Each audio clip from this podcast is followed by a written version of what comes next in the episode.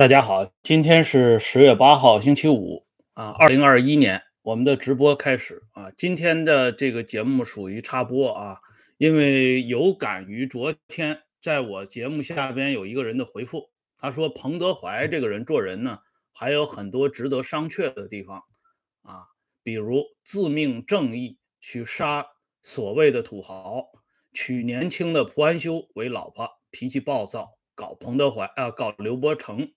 的确，他最后说了几句实话啊，这也不过是啊土匪窝里烧好的土匪而已，还像个人罢了啊。说这话呢，我就觉得啊，有必要咱们专门来找这么一期啊，非常短的时间内，把彭德怀这个人的轮廓进行一下勾勒。因为彭德怀这个人啊，他不仅仅是涉及到党史上的很多事情，更主要的是我们在谈论历史，在研究历史。我们的目的是什么？啊，就是说，我们翻开这些厚厚的历史书，啊，尘封的记忆，我们在找一个什么东西呢？就是在找人性，啊，哪怕是一点点的人性，也是我们研究历史的最终的希望所在，啊，如果研究历史过程当中，你把所有的东西都看得一团漆黑，那么我们的希望在哪里呢？就像鲁迅当年写的那篇文章一样，中国人失掉自信力了吗？啊，他不就是说这句话吗？他说要论中国人，必须不被插在表面的自欺欺人的脂粉所诓骗，却要看到他的脊梁和筋骨。这就是啊，我们要研究历史的目的所在。而鲁迅又说啊，在这笼罩之下。我们有并不失掉自信力的中国人在，啊，我们从古以来就有埋头苦干的人，就有拼命硬干的人，有为民请命的人，有舍身求法的人，啊，虽是等于为帝王将相做家谱的所谓正史，也往往掩不住他们的光耀，这就是中国的脊梁，哎，所以我说啊，彭德怀。这种人也是咱们中国人的脊梁所在，啊，因为鲁迅这个文章里写的很清楚，舍身求法、为民请命、埋头苦干、拼命硬干，这四个排比句用在彭德怀的身上一点都不夸张，啊，这个网民说的那句话啊。稍微说了几句，说彭德怀稍微说了几句实话而已，说的太轻松了啊！我们想一想，在上个世纪五十年代末，在第一次庐山会议上发生了什么？彭德怀面对的不是一般的人，不是以前的日本侵略者，不是所谓的国民党反动派，不是那些土豪地主。而是前刚独断的毛泽东，毛泽东的权威和权力，大家想一下，他是一九四九年以来迄今为止中国神州大地上权力最大的人。毛的一句话可以让你们全家走上绝路，啊，也可以让你们很多人生不如死。面对这样一个人，彭德怀干的是什么事情呢？干的是捋胡捋虎须逆龙鳞的事情，这是中国古代啊形容范颜直谏的人。可是大家以往都是从历史书上看到的，而彭德怀在庐山会议上上演了最真实的一幕。其实彭德怀可以不写那封信，可以不做那些顶牛啊，因为啊，因为他身居高位。因为他是既得利益者，他是中央政治局委员、国务院副总理，啊，主持中央军委日常工作的主要负责人兼国防部部长。老百姓的生命，实际上在他们心目当中究竟有几斤几两呢？但是彭还是为老百姓去喊了那么一嗓子，虽然喊的结果啊，其实呢没有起到决定性的作用，甚至。适得其反，但如果没有人喊这么一嗓子的话，大家想一想，那真就应了啊！老邓后来说的那句话：“要在黑暗中摸索多长时间？”而这样的人不是太多了，而是太少了。连老奸巨猾者如陈云的都说过：“如果党内多几个彭德怀，啊，可能就不会出现后边的悲剧了。”当然，这是假设，这是不可能的。党内只有这么一个彭德怀。我经常给大家展示这本书前面的一个前言，就是。张爱萍的儿子啊，描述他老爹张爱萍的这个故事的这个回忆录，从战争中走来。前面有一个前言，就是爱因斯坦写在一九三五年的一句格言。他说：“第一流人物对于时代和历史进程的意义，在其道德品质方面，也许比单纯的才才智成就还要大。”爱因斯坦的这句话，他虽然用的是“也许”。但实际上也说出了我们今天要讲这番话的一个主题，就是人性。道德品质是什么？就是人性。哎，这个人呢，不管他有什么样的丰功伟绩啊，不管他有什么啊脂粉油墨，随着历史时间的冲刷，这些东西最终可能都烟消云散。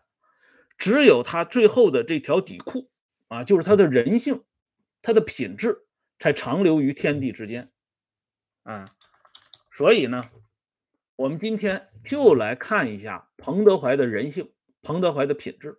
我昨天的节目就说过，啊，如果你刻意诋毁彭德怀，尤其是在彭德怀的这些品质方面，那只能说明你个人有问题。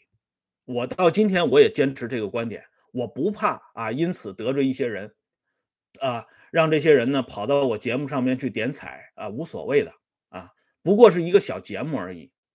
因为我看到有些人义正辞严的啊，为文化大革命第一历史阶段的帮凶林彪在那儿拼命的翻案，却对一个舍身求法、为民请命的人极尽诋毁之能事，我就做不下去了。哎，因为我这个节目虽然自命是小节目。虽然是一个历史票友，不是专业人士，可是咱们坚持为苍生说人话啊。虽然我的胆子也很小，说的人话也很有限，但是能说一分就说一分。我更要为那些说过人话、办过人事的人点赞啊，为他们多说两段话，因为在这个世道上啊。说句真话，说句人话太不容易了。不光是在盐碱地啊，就是在西方社会，你在今天你说一句人话，说一句实话，说一句真话，你付出的代价可能比你想象的还要大得多。刚才我不是说吗？彭德怀面对的不是别人，是毛泽东这样的人物。大家就不要说你面对毛这样的人了，你就想一想，设身处地的想一想，你面对你们的领导啊。你们单位的大小的头目，你敢不敢在他面前说一句他不爱听的话？你敢吗？你不敢。当然，他不能把你像对彭德怀那样啊，绳之以法，最后呢给弄到秦城里去。可是你也要掂量掂量，说这句话你要付出的代价啊，用咱们老百姓的话讲，值吗？哎，包括我们今天在油管上做节目。你敢说一句啊油管不爱听的话吗？你天天都说油管不爱听的话，你试一试。哎，同样也不敢啊。但是彭德怀就敢，哎，所以大家想一想啊，而且他是公开说的，他不是背后骂皇帝啊。彭德怀这个人呢，我刚才已经重复了，他是党的高级领导人。在咱们中国啊，我是说在座的，如果你不装外宾的话，你应该咱们知道咱们中国的一个规矩啊，职务越高，权力越大，责任越小。哎，因为出了事儿呢，他可以往下推，永远都是往下推，诿过于人，他永远是正确的。而这样一个人，敢于舍得一身剐，要把皇帝拉下马，这是一个什么样的人？他拼了命了，官都不做了，啊，做官意味着什么？我们到今天多少普通人以挤进体制为荣啊！啊，这奋斗一辈子，如果能到央企、国企或者是机关单位去工作，那简直就是成功人生的标志啊！而彭德怀的成功远不如此，远不止此此啊！而且人家这个不是靠爹娘老子的关系挤进去的，人家是拿脑袋换来的。所以我说呀，咱们说历史，说来说去，说的就是人性。如果彭德怀啊这个闪光的人性，在今天啊这个世道啊越来越差劲的时候，都得不到充分的肯定，那我就说咱们活着的希望，那真是越来越渺小了。或者活着还有什么劲儿呢？可能就剩下爱国了啊！真的就剩下爱国了。嗯，彭德怀这个人呢，这个我还是借着这个网民。说的那几句啊，这个不不不着调的话啊，来给几大家说一说。先说彭德怀的生活作风。昨天为什么我的题目里头就有这段话呢？因为我认为啊，判断一个人的生活作风，就是判断这个人整体的品质。具体说，说到爷们儿啊，说谁谁是纯爷们儿，他是不是纯爷们儿，是不是真正的爷们儿，你就看他对娘们儿的。态度啊，对女性的态度，哎，如果他是一个玩弄女性的人，这个人啊，不论是他在政治上，还是在其他方面上，都不会靠谱，这就是个常识。而彭德怀这个人在生活作风问题上，始终一尘不染。我们都知道啊，咱们中国人当中很多人对男女这个事儿是最感兴趣的。换句话说。一个大人物，他如果真的在生活作风上边他有问题的话，他是经不起时间考验的啊！很多人最最终都是要暴露在光天化日之下的，哎，包括啊这个党内高层的那些人物，今天一个个不都已经暴露出来了吗？像杨尚昆啊，罗宇在他的回忆录里边就把杨尚昆过去的那点啊这个生活作风的事情。都已经写出来了，这是公开出版的，啊，就更不要说私下里众口相传的。但是彭德怀没有。这个网民他有一句话啊，他说彭德怀娶年轻的蒲安修。彭德怀为什么要娶年轻的蒲安修？《彭德怀全传》第二集上边有一个记载，彭德怀原来的老婆叫刘坤模，哎。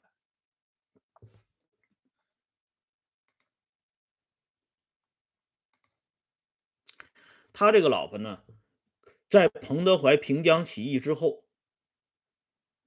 由彭德怀的舅爷把他保护起来了。为什么呢？因为朱连呢，彭德怀造反了，彭德怀的老婆还能好吗？所以呢，改头换面，改名换姓，就是整个人就隐藏起来了。自然，他与彭德怀的联系也就中断了。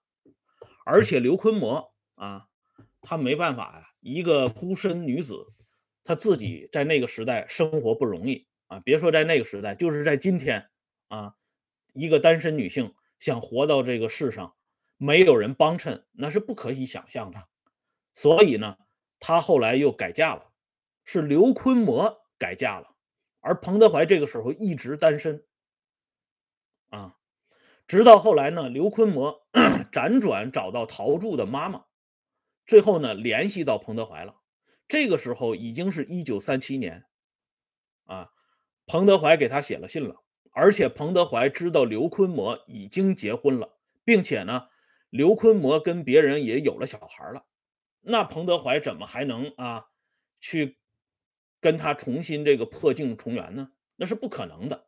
所以，在他遇到刘坤模之后一年以后，在李富春、滕代远两个人的拉郎配之下。他跟蒲安修走到了一起，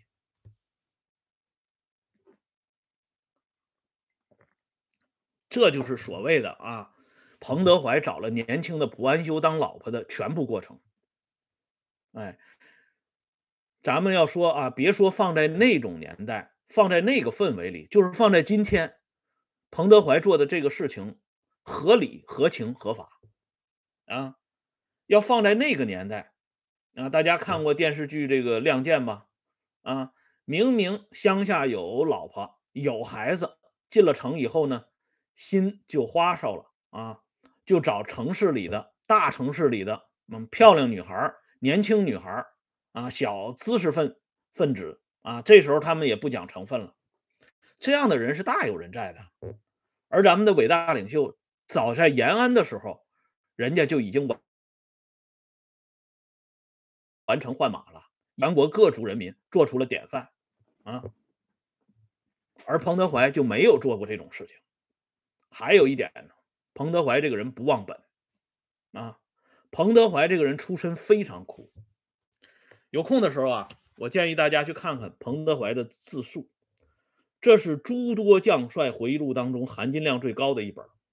他是身陷囹圄的时候写的这个自述，所以这里边呢。有些东西他是不可能瞎编的啊！在这个自述当中，彭德怀讲了他小的时候的那种啊，那种心酸，那种寒苦。奶奶啊，求他们去出去要饭，彭德怀不愿意去，不愿意做这种屈辱的事情。但是这个奶奶呢，就说了啊，不去怎么办？昨天我要去，你又不同意；今天你又不去，一家人就活活饿死吗？这样的话呢，在寒风凛凛、雪花飘飘的时候，一个一个年过七十的老太太，白发苍苍啊，还是一双小脚，带着两个孙子，其中呢，彭德怀的一个弟弟还不到四岁啊，三岁的孩子跟着奶奶去要饭呢。彭德怀望着奶奶和两个年幼的弟弟的背影啊，他自己说：“真如利刀刺心那样难过。”所以他就说嘛，他一回忆到这里，就是眼泪，就伤心。今天还是这样，不写了，写不下去了啊。这是彭德怀啊，他的这个少年时候的这个状态啊。饭要回来之后，彭德怀不舍得吃啊。给家里的这些老辈人吃，他自己饿着，啊，这就是彭德怀。我们中国人有一句老话叫“三岁看到老”啊，从他年幼的时候，大致能看出他一生的这个影子来。彭德怀这辈子念的最多的就是老百姓的疾苦，啊，彭德怀那些啊为老百姓做过的那些事情，写一本书都写不完呢。啊，一九三八年，他碰到一个。啊，在八路军总部附近的一个老百姓，他问这个老头子，他说呀：“你生活怎么样？”这个老头子说了一句话，说我上一次啊吃肉的时候是民国元年，也就是公元一九一一年呢，二十七年了没吃过第二次肉啊。彭德怀由此感慨啊，说老百姓太苦了，中国的老百姓太苦了，我们要对老百姓好一点啊。所以彭德怀这个人，你看他脾气暴躁啊。昨天这个网民不是说吗？彭德怀脾气暴躁，可是彭德怀没有打骂过老百姓啊，没有欺负过老百姓。他执掌大军几十年呢，千军万马在他面前呼啸而过啊，大家对他畏之如虎，因为他严厉嘛。可是他没有骂过战士啊，他没有打骂过下边的人啊，他骂的都是高级将领、高级领导人，甚至是老大呀。这样的人，今天在我们这个群体里，你能轻易找得到吗？而且他一定是身居高位的人啊！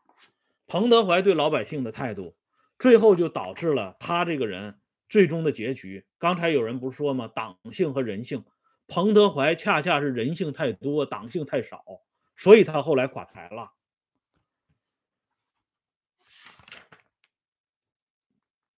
至于这个彭德怀啊。在这个指挥朝鲜战争这件事情上，啊，我一会儿再给大家说一下。咱们就说这彭德怀，他一开始大跃进起来的时候，彭德怀也欢呼啊，也喊万岁啊，也高兴啊，因为他他看到的是表面现象，这个粮食增产了啊，他想到老百姓可能会有更多的这个愚蠢啊，国家呢又富有了，他当然高兴了。可是后来他发现不对，他觉得这个数数字有问题啊。彭这个人，要说彭德怀这个人了不起，就在这里，他是一个军人。中国有一句话叫“军人不问政”啊，军人埋头打仗就可以了。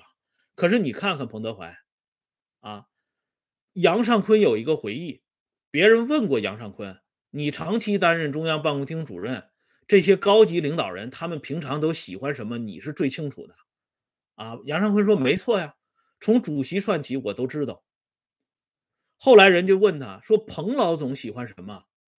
彭德怀喜欢什么？他有什么嗜好？”杨尚昆想了半天，最后说了一句话：“杨尚昆说，彭总啊，他喜欢想问题。”杨尚昆在三军团的时候跟彭德怀就搭班子。哎，庐山会议之后，彭德怀垮台了，也只有杨尚昆才有资格去探望他。可是呢，啊，咱们看一下，彭德怀就喜欢想问题啊。他想什么问题？他就是想贴近老百姓生活的问题。他在战争年代，他一张嘴管财经的，像陈云他们人，这些人都是目瞪口呆啊。为什么呢？他说的是内行话呀。一个指挥千军万马的人，这么对民生、对财经感兴趣，这本身就是犯忌的。难道彭德怀不知道如履深渊吗？他不知道他想这些问题对他自己会带来多大的危险吗？谁也不是大傻子，对吧？谁都知道明哲保身呢。但是彭德怀还是忍不住啊，这就是人性使然呢。啊，他的品质摆在那里，所以后来他就说嘛，有的人说粮食要多少有多少，彭德怀说粮食没有那么多。就在这个时候，这是一九五八年的时候，谭震林坐不住了。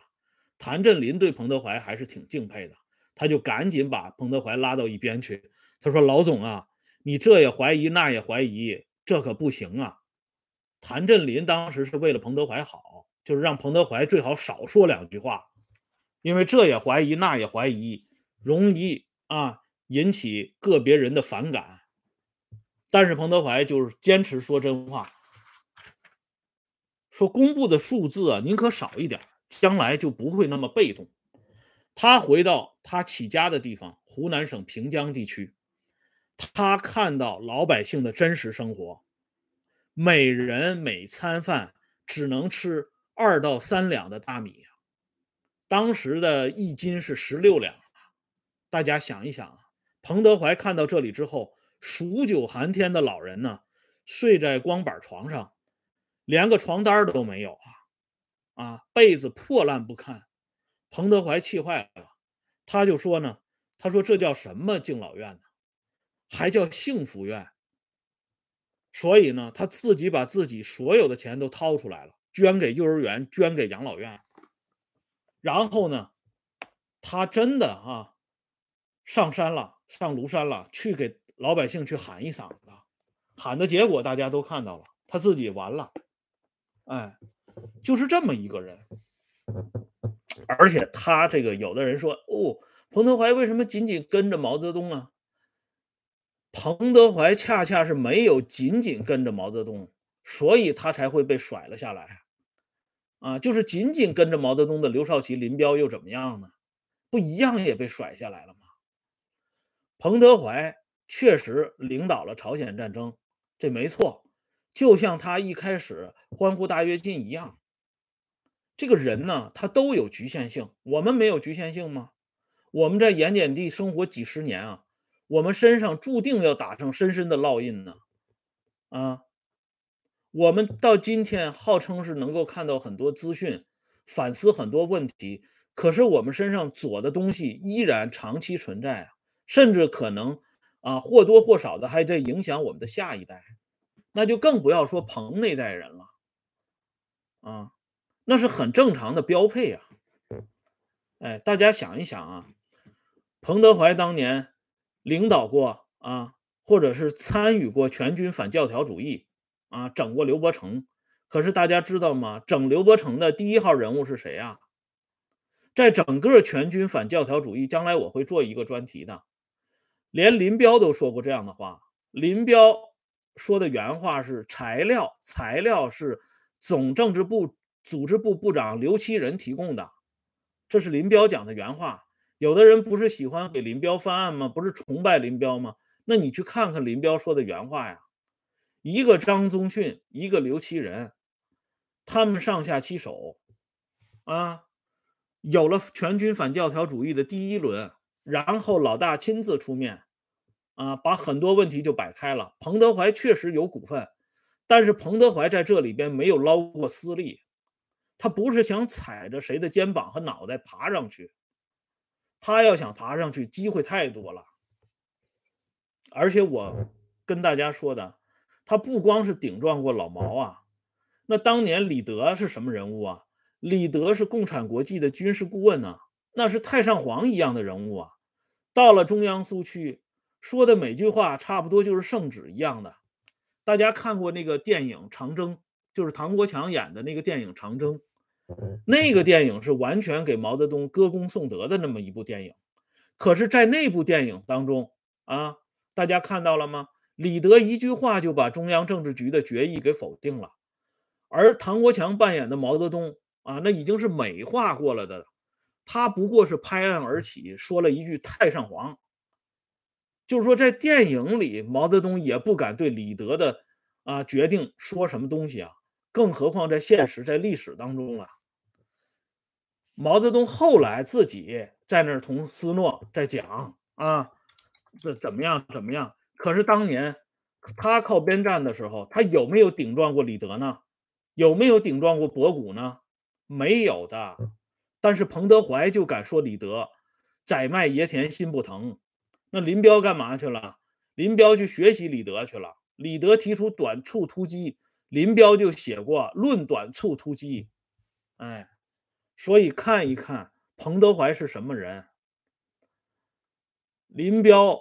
啊，按照毛泽东的意图，在哈达铺整军的时候吞并红三军团，可是八路军选参谋长的时候，彭德怀提出三个人选，第一个人选就是林彪啊，然后才是滕代远他们，才是叶剑英，甚至彭德怀还曾经向毛泽东提出过，八路军交给林彪来指挥，更放心一些，这就是彭德怀。他从来没有为官位、为职务、为自己的私利去嗷嗷叫，反而是为多数人去嗷嗷叫。结果，多数人当中的相当一部分人不领情，啊，不道谢。这样能为我们普通人、老百姓喊两嗓子的人，高层的人物，没有几个人，从古至今就没有几个人。这样的人才是咱们这个民族的脊梁。才是咱们这个民族的希望所在，才是在我们遭遇到这种是非颠倒、善恶不变的世界里最能够看到的啊，点亮我们前行的烛光啊！哎，所以今天我们讲彭德怀，不是单纯的在讲彭德怀这个人，而是他身上闪烁的、仅存的这个人性的东西啊！如果这个东西我们都不肯定，都不加以赞美的话，那么我们要干嘛呢？真的只有去爱国了吗？不是的。哎，具体说到这个朝鲜战争，彭德怀确实啊义无反顾的，他领英啊领衔去率领这个志愿军跟人家去玩命去。可是玩了第一轮命以后，彭德怀就发现了不能这么干。所以，彭德怀不主张打第二次战役、第三次战役，甚至是第五次战役。这个东西呢，大家看一下沈志华先生写的东西，还有其他人的相关回忆。我再给大家说一个公开史料：张闻天的秘书何方写的这篇文章，发表在二零一三年十二期的《炎黄春秋》上，他就讲过，他说彭德怀在。第二次、第三次战役结束之后，彭德怀就提出部队必须休整，但是金日成不同意。啊，金日成直接给毛泽东发电报，抱怨彭德怀。金日成要求不能停歇，继续予以敌人啊严重的打击。等到后来呢，老连这个老金家都服了，说不能再打了。结果呢，毛泽东要求打第五次战役，啊。张泽石他们这些人回忆的就是第五次战役啊，刘家驹他们回忆的就是第五次战役啊，非常残酷。这些人，他们啊，最终把这个生命扔到那片荒凉冰冷的土地上。大家想一想啊，那不全是彭德怀的原因。中国有一句话叫“将在外，君命有所不受”，这话看分对谁。你对毛泽东你不受，你试一试。那百团大战是毛泽东批准的，毛泽东有电文的，白纸黑字啊，他都可以不承认的。彭德怀直到上这个朝鲜战场之前呢，才把这个电文的原本啊交给杨尚昆。为什么？彭德怀怕自己一旦牺牲在战场上。将来这段事情就说不清楚了，而且彭德怀上战场也不轻松啊，后边还跟着个毛岸英，所以大家想一想，什么将在外，君命有所不受啊？谁敢不受啊？啊！所以由此我们来看，彭德怀这个人真的不容易。我们今天讲彭德怀，不光是啊，我刚才说了，不光是在。给彭德怀点赞，也是在给我们这个民族啊仅存的这个人性啊点赞呢。就像鲁迅说的这句话，鲁迅在这篇啊中国人失掉了自信力这篇文章里头，他是专门讲的啊，他说过这句话，说中国人失掉了自信力，用以指一部分人则可，倘若加于全体。那简直是污蔑！为什么这么说呀？就是因为啊，咱们这个民族，咱们这个群体，直到今天呢，其实还有彭德怀这样的人，还有这种舍身求法、为民请命的人。哎，所以我们不光是要为彭德怀这样过去的历史人物点赞，还要为这些活着的现实人物当中的舍身求法、为民请命、拼命啊、苦干啊、埋头。苦干的这些人点赞，我们说彭德怀也是说这些人，同时呢，激励我们自己，鼓励我们自己，在可能的情况下多说点人话啊，多办点人事儿，就这么简单。好了，今天这个节目呢，咱们就说到这里啊，感谢朋友们上来打赏支持，哎。感谢朋友们的点赞、收看和收听，啊，这个关于这个老金家的故事呢，咱们还会啊继续开讲。好了，欢迎大家关注“温相说时政”会员频道，啊，经常有更新。再见。